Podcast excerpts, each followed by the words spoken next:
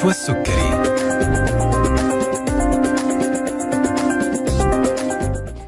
السلام عليكم ورحمة الله تعالى وبركاته. تحية طيبة لكل مستمعينا أينما كنتم. وأهلا وسهلا فيكم في حلقة جديدة من طبابة عبر أثير إذاعتنا ألف ألف أف أم الموجة السعودية. مستمرين معكم إن شاء الله إلى الساعة 2 بعد الظهر في ساعة حوارية طبية مباشرة مع ضيف جديد من ضيوفنا المميزين اللي دائما بيشرفونا في برنامج طبابة. برنامج طبابة برنامج تفاعلي بيعرض مواضيع صحية مختلفة بنتكلم فيه عن طرق الوقاية من الأمراض مع عدد من الأطباء الاستشاريين والأخصائيين في المجالات الطبية المختلفة اللي بيشاركونا أبرز المستجدات المتعلقة بعالم الطب والرعاية الصحية. يسعدنا تواصلكم أعزائي المستمعين على واتساب البرنامج 055 66 89 01 أي استفسار أو سؤال أو استشارة بإمكانكم إرسالها لنا لنعرضها على ضيف حلقتنا. اللي راح يجاوب عليها في الجزء الأخير من حلقة البرنامج. بإمكانكم أيضا التواصل معنا من خلال حساباتنا على مواقع التواصل الاجتماعي فيسبوك تويتر إنستغرام واليوتيوب. الحلقة هتكون متاحة بإذن الله تعالى خلال 24 ساعة على حسابنا على اليوتيوب ألف ألف FM. اللي حاب أنه يستمع للحلقة من بدايتها أو يشاركها أحد مهتم بالموضوع اللي طرحناه فيها بإمكانه أن يتابعها على حسابنا على اليوتيوب. نبدأ معكم بسم الله وعلى بركة الله. حلقة اليوم معي أنا نشوى السكري. حلقتنا اليوم عن الكسور عند الأطفال والكبار. مثل ما تعرفوا أعزائي المستمعين علاج كسور العظام في الغالب لا يترتب عليه مشاكل بعد العلاج. لكن وأقول لكن في بعض الأحيان عندما يتم إهمال بعض النقاط المهمه أثناء العلاج فإن ذلك قد يؤدي إلى حدوث مضاعفات لا سمح الله. في حلقة اليوم هنتكلم عن علاج الكسور عند الأطفال والكبار، العلاج التحفظي والعلاج الجراحي والفرق بينهما، متى يتم اللجوء إلى هذا الإجراء ومتى يتم اللجوء إلى الجراحة، ولماذا عند كبار السن قد تكون بعض أنواع الكسور خطيرة للغاية ولا بد من التعامل معها بحرص وباهتمام بالغ. بالغ يسعدنا أن يكون معنا في حلقة اليوم الدكتور محمد كمال اختصاصي جراحة العظام والكسور والمفاصل. أرحب فيك دكتور محمد وأهلا وسهلا فيك في برنامج طبابة. أهلين.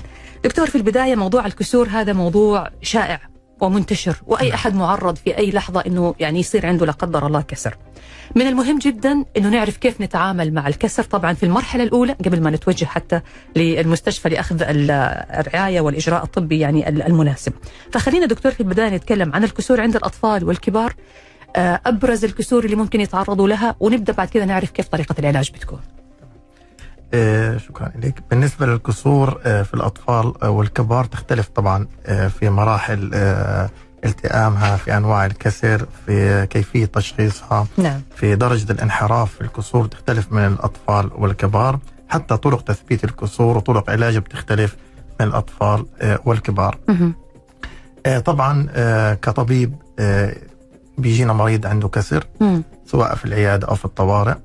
طبعا أول شيء الأهالي في, في البيوت حدث طفل صار عنده كسر أو كبير في السن صار عنده كسر أول شيء يفضل إنه يتم تثبيت الكسر بأي شيء صلب مم. يعني عن طريق شيء معدني شيء خشبي كجبيرة مؤقتة لين وصول إلى المستشفى مم. طبعا ليش بنحكي هذا الشيء مهم هذا الشيء مهم لأنه الكسر العظم لما يصير في الكسر بيكون حواف العظم حادة بشكل حاد فممكن حركة الكسر تؤدي إلى إصابة في الأوردة أو الشرايين مم. أو الأعصاب أو العضلات والأوتار المحيطة مم. بمنطقة العظم الحاد مم. صار فيه كسر مهمة جدا فعلا هذه الخطوة. طبعا مم. وغير برضو كمان بيخفف الألم عند ال- المريض أو الشخص اللي حصل عنده الكسر بخفف الألم مجرد تثبيته بشيء قوي صلب. طبعا آه، بيوصل المريض للمستشفى أهم شيء طبعا طبيب العظام بيتعامل مع الطفل أو الكبير في السن أو المريض اللي إجانا بيتعامل معه آه، كمريض آه، يعني يطمئن على صحة المريض بشكل عام. ليش لأنه أحيانا آه، آه، بكون مصاحب للكسر آه، إصابة خطيرة أو آه، إصابة في الرأس في الصدر في البطن آه، آه، في الحوادث آه، السيارات أو سقوط من علو. أو كبار السن اللي ممكن آه، لا قدر الله صار ما إحنا لازم نركز على الأمر هذا لأنه آه، آه، الكسر هو إحنا بنسميه limb saving يعني إنقاذ لطرف سواء. يد أو قدم لكن الإصابة في الدماغ أو الصدر أو البطن هو ال life saving مم. إنقاذ حياة. فهو الكسر ممكن يستنى لكن إصابة الرأس لا قدر الله الإصابات المصاحبة في حوادث الطرق السيارات سقوط من علو الأمور هذه. طبعا آه، سألت حضرتك عن الكسور الشائعة في الأطفال. نعم. خلينا ناخذ الأطفال. تاخذ الأطفال. آه الأطفال معظم الكسور الشائعه في الأطفال آه بتكون كسر آه المرفق اللي هي أعلى المرفق اللي هي ما فوق الكوع. وحنتكلم عنه باستفاضة مم. لأنه من الكسور الشائعة والمهم جدا تشخيصها وعلاجها بشكل مناسب.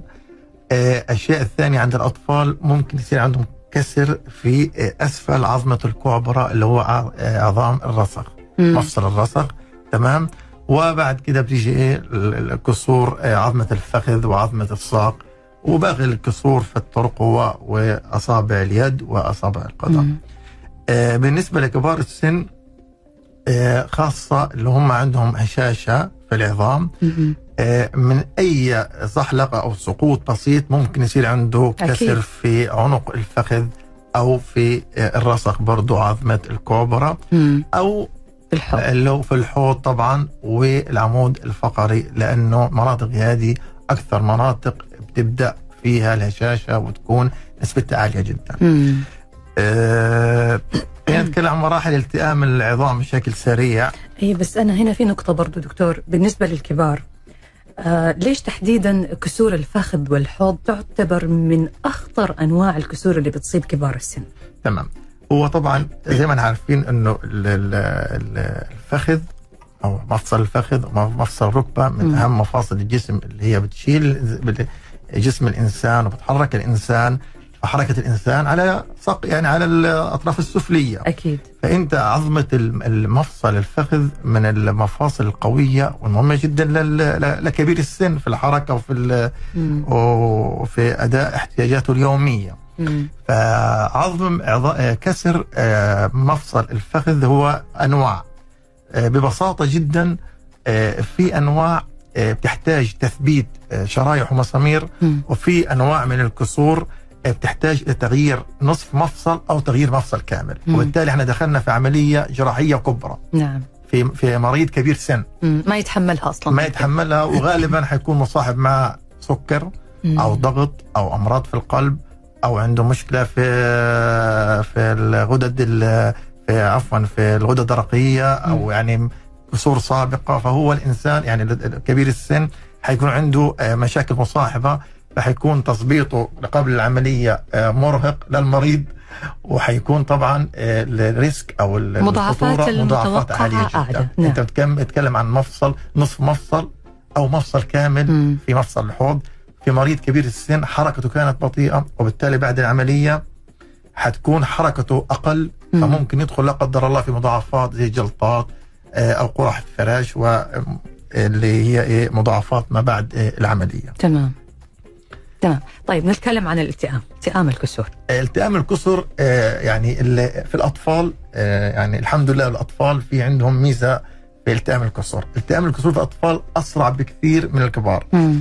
التئام الكسر في الأطفال لو كان عنده مثلا الكسر في عنده انحراف في درجة الكسر يعني المكان الكسر العظمتين حصل فيهم آه، الكسر كان فيهم انحراف إلى درجات معينة إحنا مم. ممكن كجراحين عظام نقبلها. كيف يعني. طفل أجانا مثلا عنده كسر في الساعد. عملت له طبعا آه، الإسعافات الأولية حطينا له مثبت بسيط مؤقت عملنا صورة أخذ مسكن عملنا له صورة أشعة طلع عنده انحراف في آه، في العظمة في الكسر مكان الكسر إلا مثلا 10 درجات 8 درجات لعند 15 درجة ممكن أنا أقبلها. وأحطها في جبس. اللي هو العلاج التحفظي تمام ونتابع. هنا بيجي دور الالتئام العظام طبعا سبحان الله الكسر بيحصل فيه تجمع دموي تجمع الدموي هذا مهم جدا إنه مليان خلايا اللي بعد كده حتعمل تكوين العظام آه يعني إحنا بنشوف إنه هو شيء مضر لكن هو مفيد مفيد مم. الآن اللي اللي اللي, اللي آه، المريض اللي حصل عنده كسر مع كسر مفتوح يعني كسر وانقطع الجلد والعظم آه، طلع. برا. فهذا مش حيصير تجمع دموي حيتأخر الالتئام عنده لأنه نزف الله يبارك نعم مم. لكن ال- ال- المريض اللي عنده جرح كدمة. مغلق.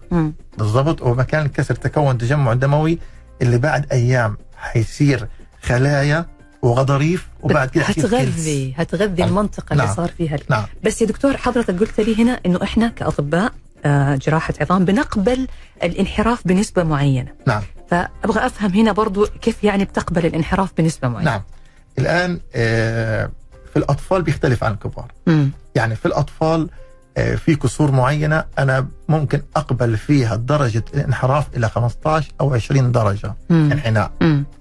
واقبلها واحطها في جبس لأنه بيصير في شيء عند الأطفال لسه مرحلة نمو remodeling يعني, إعادة تستجيب بناء. تستجيب آه،. هذه للعلاج وإعادة تعديل remodeling بنسميها مم. عملية مم. remodeling في الأطفال آه، وهذا طبعا كل up to date يعني كل ما كل ما هو جديد يعني مهم.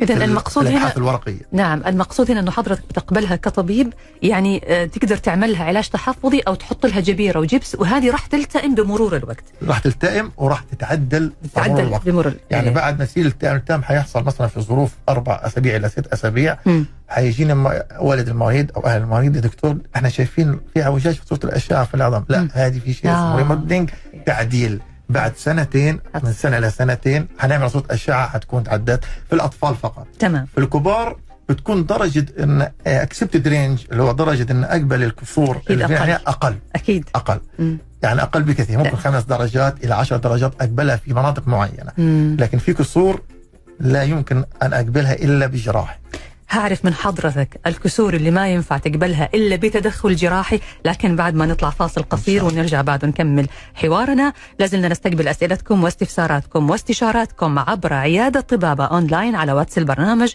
055 66 89 01 أي أحد عنده سؤال الدكتور محمد كمال اختصاصي جراحة العظام والكسور والمفاصل حياكم الله جميعا. فاصل ونواصل.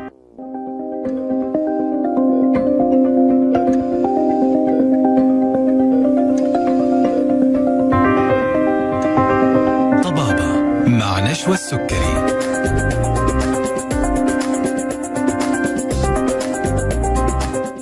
حياكم الله من جديد مستمعينا الأعزاء وأهلا وسهلا فيكم مرة ثانية في برنامج طبابة على ألف ألف FM الموجة السعودية ومع ضيف حلقتنا اليوم الدكتور محمد كمال اختصاصي جراحة العظام والكسور والمفاصل. وموضوعنا عن علاج الكسور عند الأطفال والكبار إضافة إلى نقاط أخرى هنناقشها اليوم مع ضيفنا الدكتور محمد.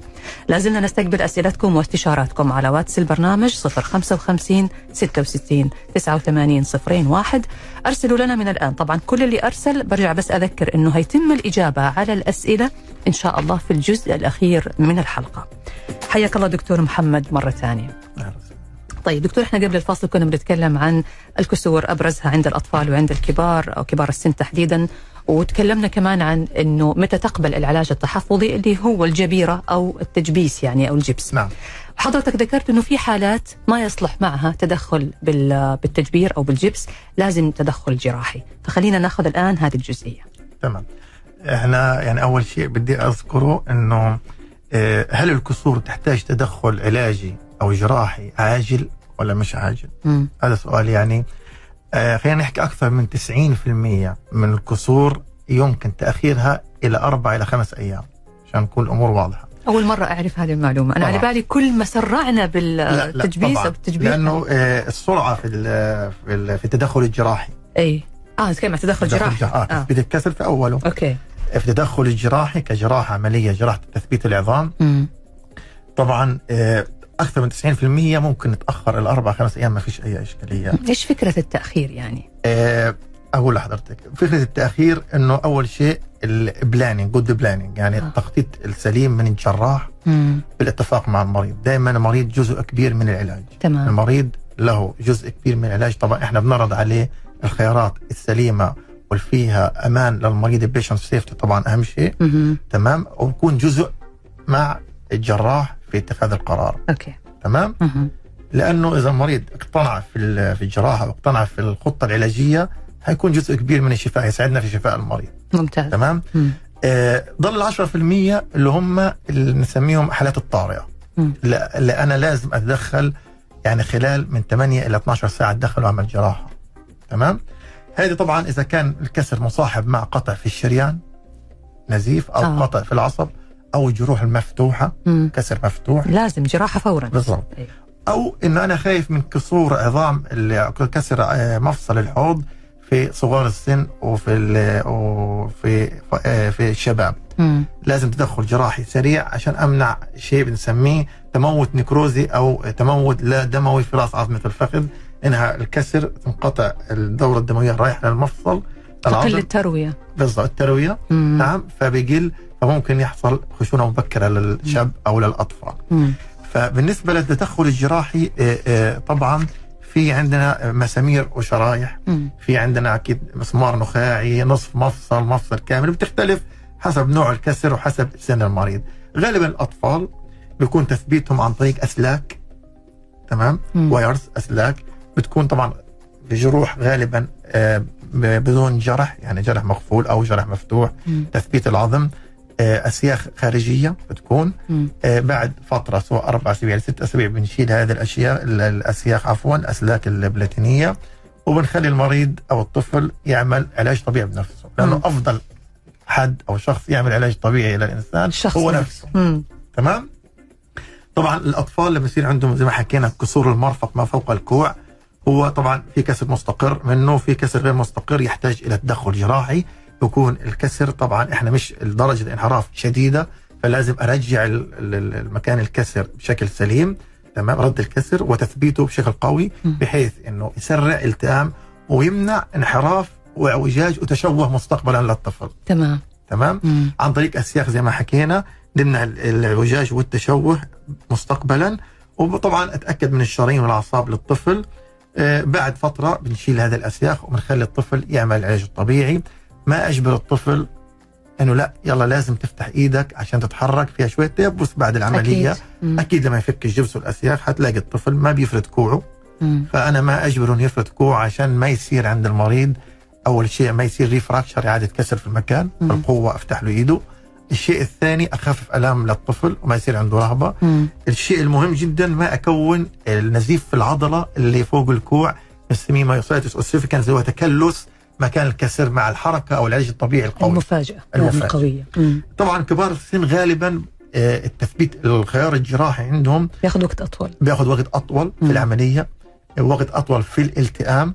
تمام آه، في العلاج الطبيعي التيبس بيكون أكثر أكيد، مرونة الكسر بيكون العظم. مفتت أصلا يعني أكيد. الكسر, الكسر بيكون مفتت غالبا في كبار السن اللي عندهم هشاشه.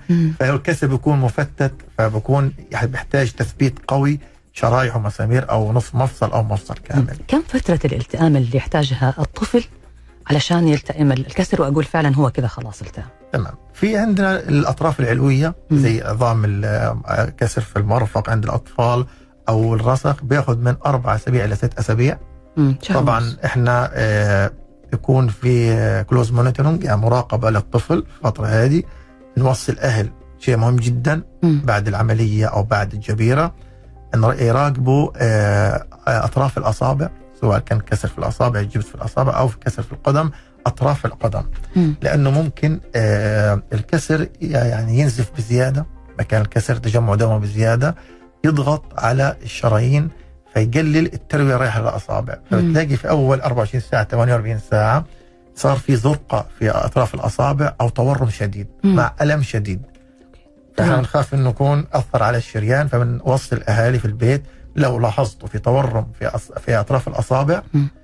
ومع ألم شديد أو زرقة في أطراف الأصابع عند الجبس لازم فورا يتوجهوا للطوارئ أو للطبيب المعالج آه، طبعا في بروتوكول وفي خطة علاجية بنتبع عشان نتخلص من هذا التجمع الدموي اللي ضاغط على الشريان الموصل للدم نعم. في المنطقة هذه نعم.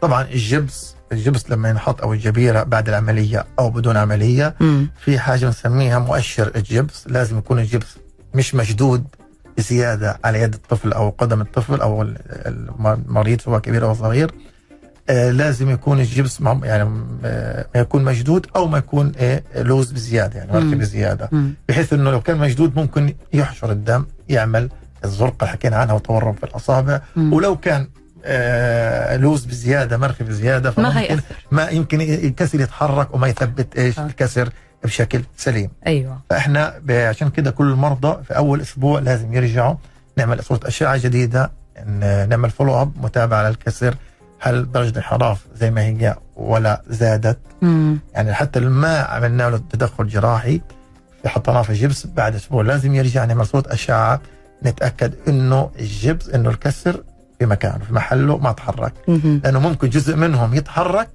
تمام؟ مم. فنضطر نروح للخيار الثاني اللي هو خيار الجراحة. الجراحي طيب هنا يا دكتور في سؤال مهم برضه بيطرح نفسه.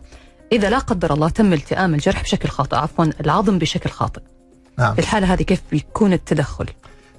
حسب آه، الوقت اللي تم تشخيص فيه الحالة. مم. يعني إذا الطبيب اكتشف إنه ال- العظم آه، صار في آه، يعني في زاويه الانحراف زيادة في أول أسبوع أسبوعين مم. سهل جدا ممكن نروح للتدخل الجراحي نعدل مم. أو ممكن نعدل بدون تدخل جراحي عن طريق آه، اللي هو عمل الجبس من أول وجديد ورد الكسر مم. بشكل بنسميه وجه يعني بشكل إيه آه، في. الجبس نفسه في الجبس نعدل آه، الكسر لو كان درجة بسيطة لو. كان لو كان لو الدرجة كبيرة وفي ورم زيادة لا بروح للتدخل الجراحي طبعا مم. هذا كان لو في أول أسابيع مم. في ناس كثير بنشوفهم إنه بنسميه مس دايجنوزز أو يعني ما تشخص من أصله ما راح مستشفى أو أو مم. خلاص شوية ألم وصار عنده كسر هو ما هو ما يعرف وصار سوء التئام بنسميه مم. اللي هو التئام الكسر بطريقة غير غير صحيحة طبعا آه، بتختلف برضو في الأطفال في حاجة اسمها ريموديلنج حكينا عنها قبل شوي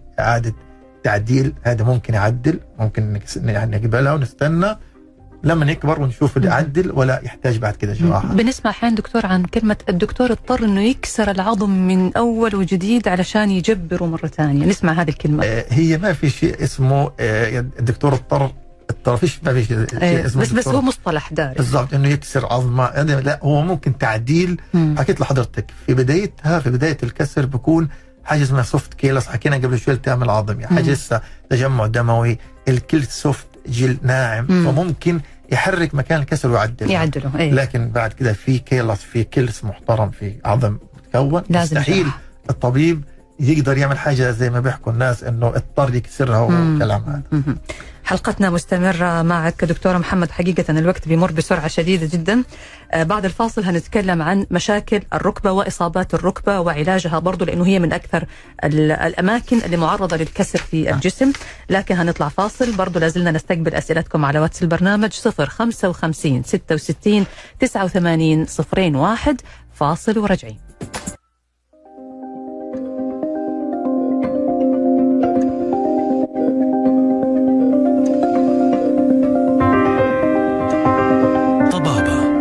مع نشوى السكري حياكم الله من جديد مستمعينا وأهلا وسهلا فيكم في برنامج طبابة على ألف ألف أف إم. مع ضيفنا اليوم الدكتور محمد كمال اختصاصي جراحة العظام والكسور والمفاصل حياك الله دكتور محمد وأهلا وسهلا فيك. وسهلا.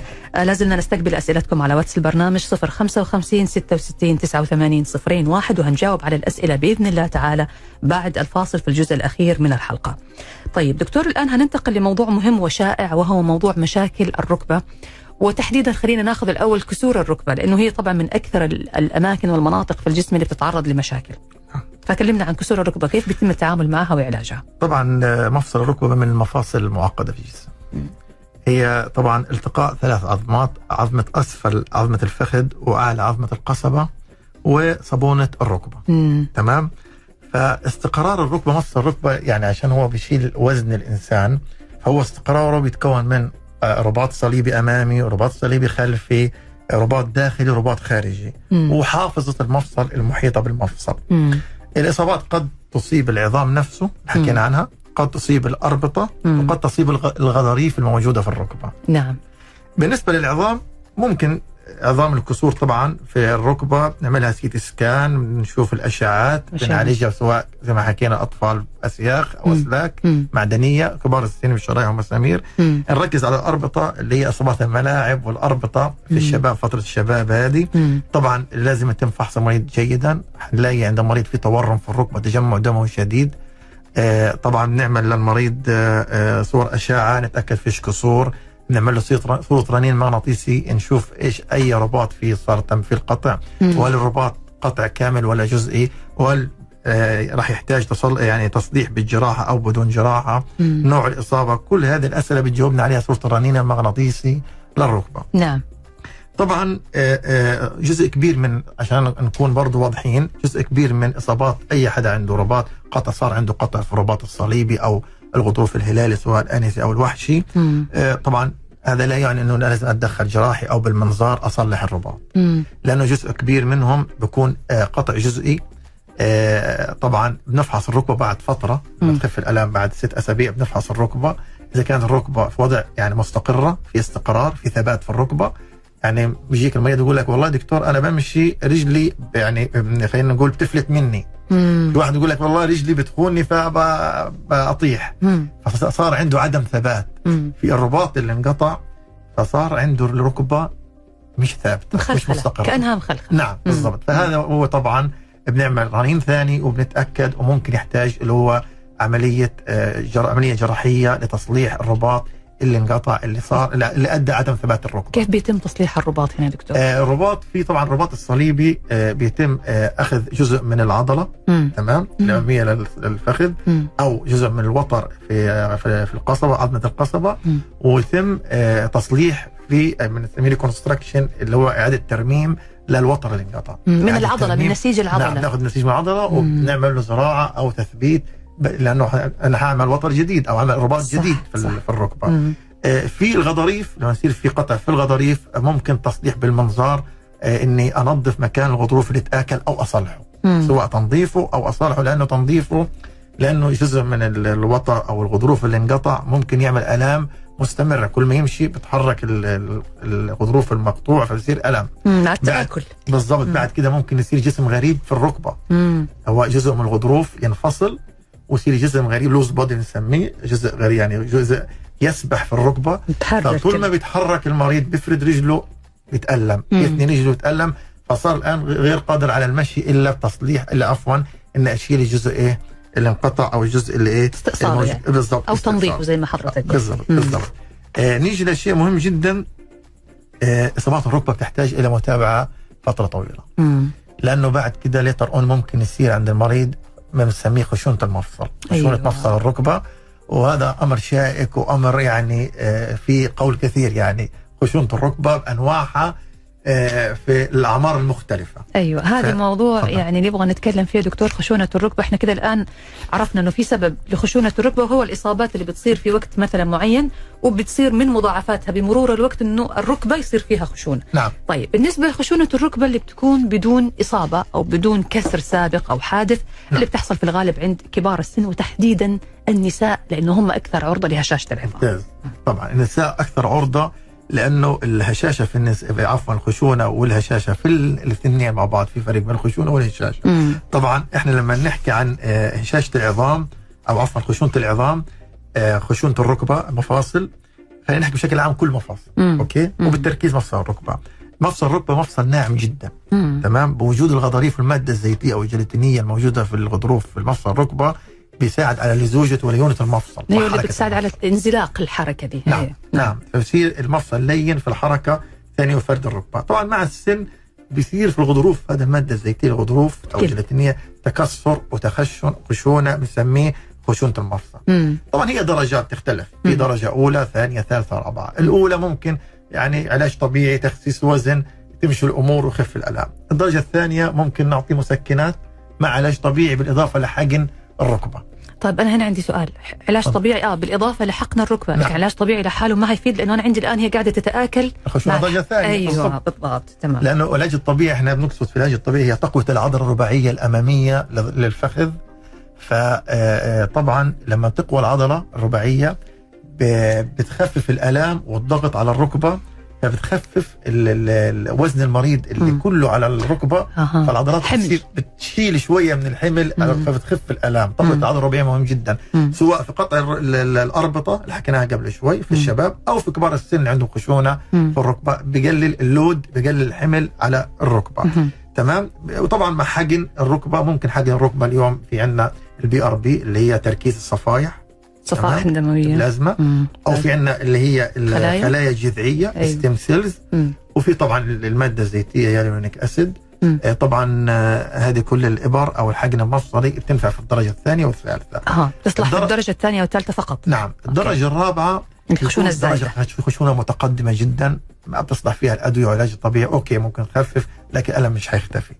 فهذه بنضطر نعمل آه، طبعا سواء بال نعمل عفوا نعمل جراحه تغيير للمفصل.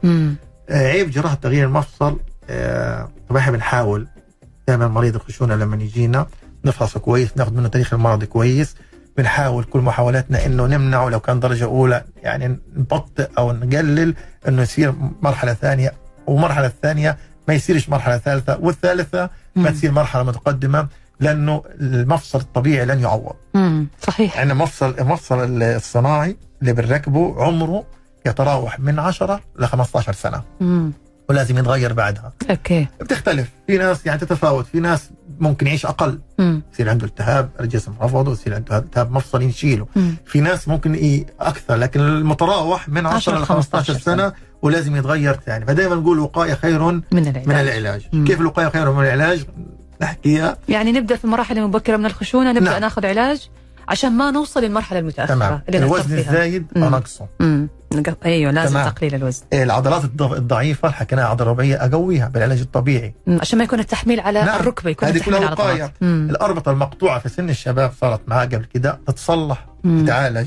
تمام التشوهات والاعوجاج في ناس في أطفال عندهم اعوجاج أو في شباب صار معهم اعوجاج خلق عيب خلقي أو شيء.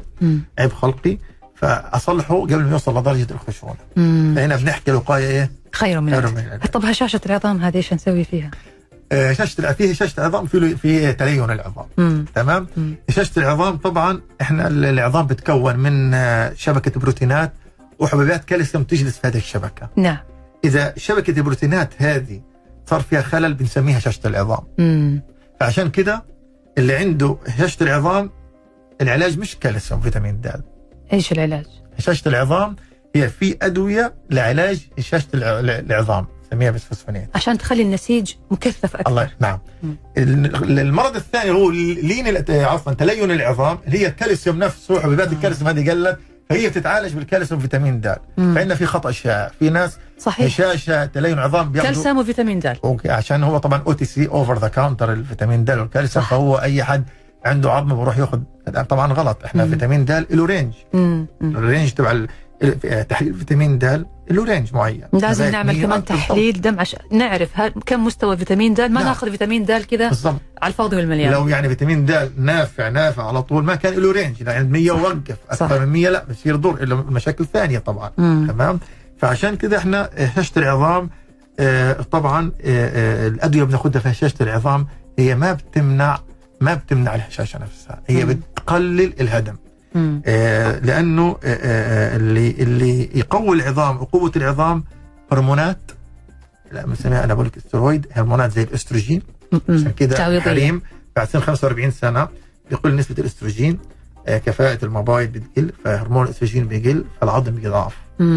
وخاصة الحريم اللي شالوا صار عمل- عملوا عملية جراحية. إزالة استئصال بيغير والمبايض لازم إجباري مع أدوية الهرمونات تأخذ كالسيوم فيتامين د وادويه لا هشاشه العظام لأنه العظمه في يعني خلال من سنة لسنتين حيكون ضعيف وهش آه. جدا هي هنا معرضه للاثنين للهشاشة ولليونة المشكلة مش في الهشاشة يا مم. دكتور بشرى المشكلة إنه الهشاشة بتكون العظم ضعيف جدا الهشاشة ما بتعمل ألم مم. بتعمل كسر آه التعرض للكسور بيكون خطير جدا مم. وكسور معقدة زي كسور ال- العمود الفقري مم. وكسور الحوض ومفصل الفخذ هذه من الكسور المعقدة اللي إحنا حي-.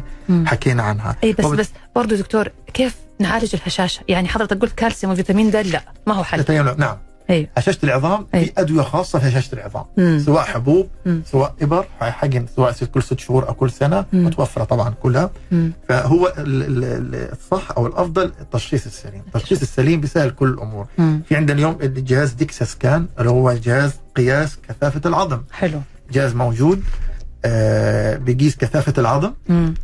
طبعا بياخذ صور في مفصل مفصل الفخذ. وصور عن في الفقرات العمود الفقري وفي اليد وبقيس وبيعطينا نسبة معينة. هل المريض عنده هشاشة؟ ولا ما قبل الهشاشة؟ مرحلة. ولا سليم ولا مم. تلين؟ متى نبدأ نروح نعمل هذا متى؟ نبدأ؟ ومتى- وكم نعطيه وكم نعطي العلاج؟ أوكي. طبعا على السريع لين العظام في الأطفال تقوس ال- الأطفال اللي أول ما بعد ما سن المشي بعد مم. سنة سنة ونص يبدأ يمشي فوزن جسمه على الساقين. والساقين عنده العظم لين فبصير طبعا وزنه اللي فوق أقل من اللي تحت فبصير آه، تقوس في الرجلين لأنه الوزن زايد عليه مم. فهو لين العظام مم. طبعا هذه حالة لازم تشخيصها سليم ما ينفع فيتامين د. فيتامين د ما ينفع عشوائي مم. لازم يشخص المريض في عندنا أنواع الـ rickets أنواع لين العظام أنواع كثيرة مم. في عندنا منه مرضي لا قدر الله يكون عنده مشكلة في الكلى.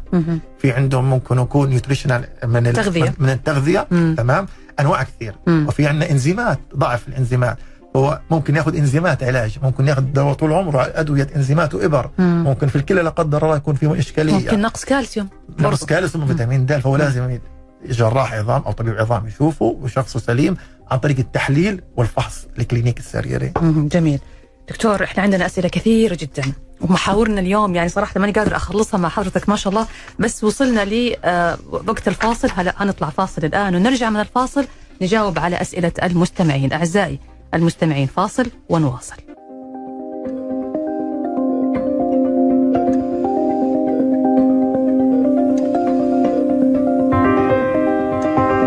طبابة مع نشوى السكري. حياكم الله من جديد مستمعينا وأهلا وسهلا فيكم في برنامج طبابة على ألف ألف أف إم ومع ضيفنا الدكتور محمد كمال اختصاصي جراحة العظام والكسور والمفاصل. حياك الله دكتور مرة ثانية. أهلا وسهلا دكتور إحنا وصلنا للجزء الأخير من الحلقة وعندنا أسئلة كثيرة فراح نبدأ الآن نجاوب على الأسئلة. ومعليش أنا يعني ما هكمل معك محاورنا لأنه في عندنا أسئلة كثيرة مهمة. طيب نبدأ بهذا السؤال يقول السلام عليكم. شكرا للدكتور محمد على الحلقة المبدعة آه يا ليت لو نسأل سؤال للدكتور طفل مولود عنده القدم المخلبية إيش الحل وطرق العلاج؟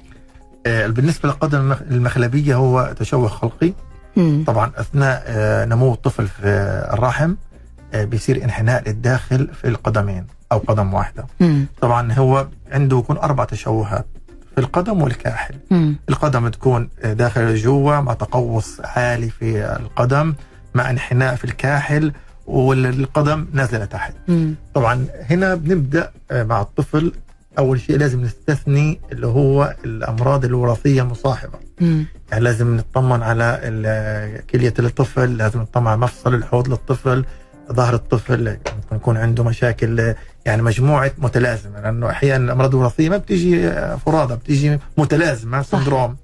فلازم نستثني كل ال syndromes هذه كل المتلازمات مم. إذا الأمور تمام نبدأ من أول أسبوع عمر baby من أول أسبوع جلسات آه علاج جلسات عفوا جبائر متسلسلة مم. هي طريقة اسمها طريقة في العالم آه في جراحه العظام Ponseti. آه هذه الطريقة آه طبعا من أفضل الطرق ومن الطرق المت... اللي هي الطريقة الوحيدة المتبعة الآن عالميا مم. تمام آه لتصحيح التشوهات اللي حكيناها.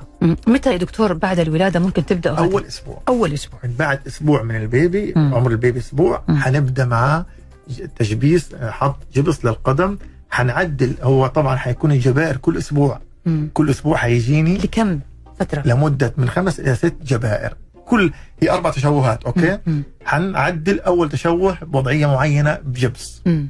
وثاني تشوه بعد أسبوع حنعدل كمان تشوه مم. أحيانا ممكن التشوه الأول ما خف مم. فأضطر أخلي نفس الجبس أعمل جبس نفس الوضعية للجبس مم. أربع وضعيات حوالي من خمس إلى ست مرات كل ست أسابيع كل أسبوع بغير له الجبس وبقيم الحالة وبعد آخر مرحلة طبعا بعمل له عمليه تطويل للوتر مم. من تحت الجلد تكنيك معين في العيادة مم. وبحطه في جبس لمدة أربع أسابيع بحيث تطويل الجراحة البسيطة عملتها في العيادة أو في في المستشفى مم. إنها تلتئم وبعد أربع أسابيع آه، هنا بتيجي مرحلة الأهل مم. بعد أربع أسابيع حنفك الجبس مم. القدم ما شاء الله صارت آه، معتدلة مم. وتشوه اختفى لكن ما زال الدماغ بيتعامل مع بيتعامل إنه هذا التشوه موجود لأنه جلس تسع شهور في في ال- في ال- في الرحم.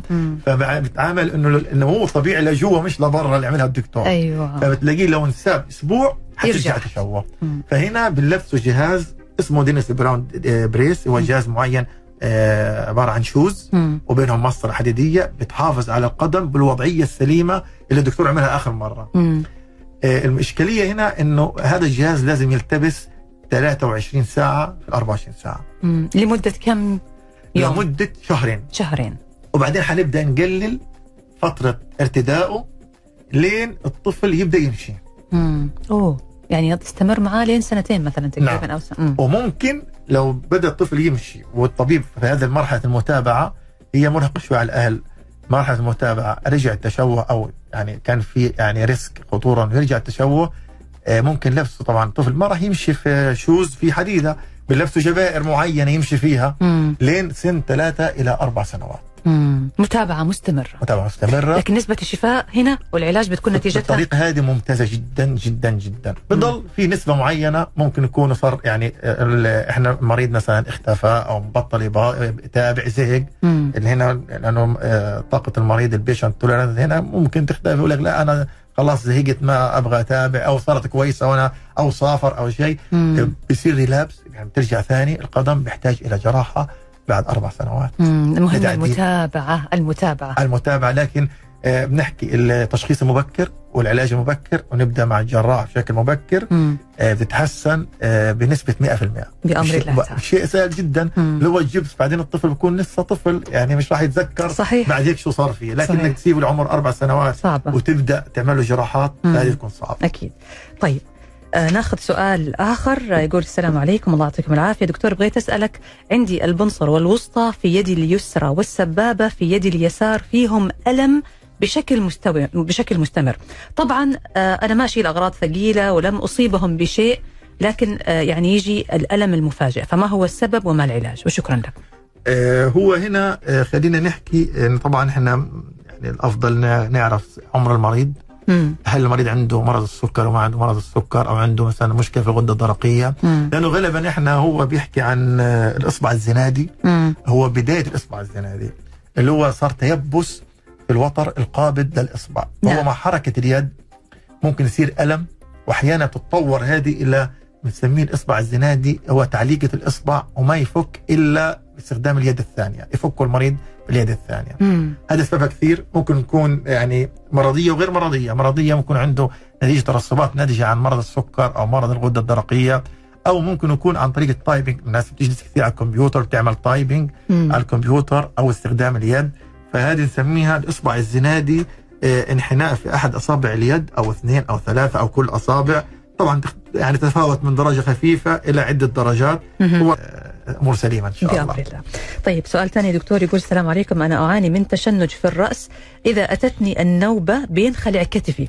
عملت تثبيت بالمسامير ولكن بعد كم شهر فكيت المسامير اللي في كتفي وأصبت بنوبة تشنج وانخلع كتفي مرة ثانية. فحابب أسأل الدكتور إيش الحل؟ هو التشنجات التشنجات آه، فعلا بتعمل آه، خلع في الكتف. مم. تمام؟ آه، طبعا خلع الكتف في التشنجات دائما بنلجأ للجراحي لأنه التشنجات مستمرة مع المريض. مم. تمام؟ طبعا ال- الخلع المتكرر لازم له جراحة. لازم جراحة. نعم. تثبيت اللي هو عن طريق جراحة بنسميها لاترجيه اللي هي آه، آه، بنزود اللي هو آه، حافة المفصل بحيث نمنع نحط يعني ناخذ نغير مسار أحد عظام المفصل بنغير. مسارها مم. مع العضلة اللي معاها مسامير عشان تمنع الكتف لما يخلع للأمام أو. للخلف ما ينخلع عشان يتثبت هنا الإشكالية انه هو chronic disease مرض مزمن اللي هو التشنج مم. فهو لازم أول شيء آه، يعني آه، يعمل control على التشنجات ادويه مم. التشنجات يمنع النوبة مم. أو يقلل من حدة النوبة مم. يعني okay ممكن أنا آخذ أدوية آه، تمنع النوبة وممكن آخذ أدوية بس النوبة بتيجي بس أخف حتكون مم. أخف فما تت... ما يعني ما تؤدي إلى خلع المفصل لكن إذا still أنا ما أدري ليش شال الم... شال الم... شال ال- ال- المسامير. ما أدري ليش شالهم آه ورجعت له مرة ثانية ورجعت له. بقى ممكن ضايقته المسامير صار التهاب إيه. أو شيء لكن هو الأفضل هو التثبيت الدائم للمفصل الكتف آه، أو ممكن بنسميه arthrodesis هو تثبيت المفصل وهذا يعني طبعا يكون شوية صعب لأنه حركة المفصل حتكون آه، انتهت كده. طيب إحنا بقينا دكتور دقيقة ونص يقول ناخذ هذا السؤال ونقفل الحلقة وبعتذر لكل اللي أرسلوا لنا ما هنلحق نجاوب على الأسئلة كلها. يقول السلام عليكم آه كيفكم إن شاء الله طيبين؟ أنا جاني كسر مضاعف بعظمة الترقوة وسويت لها عملية جراحية والحمد لله حاليا أفضل. الحمد لله باقي لي شهرين إن شاء الله وأشيل المسامير. فحبيت أستفسر من الدكتور إنه إذا شلت المسامير هل يرجع العظم أفضل؟ وكيف يلتئم العظم بعد فك المسامير؟ تمام.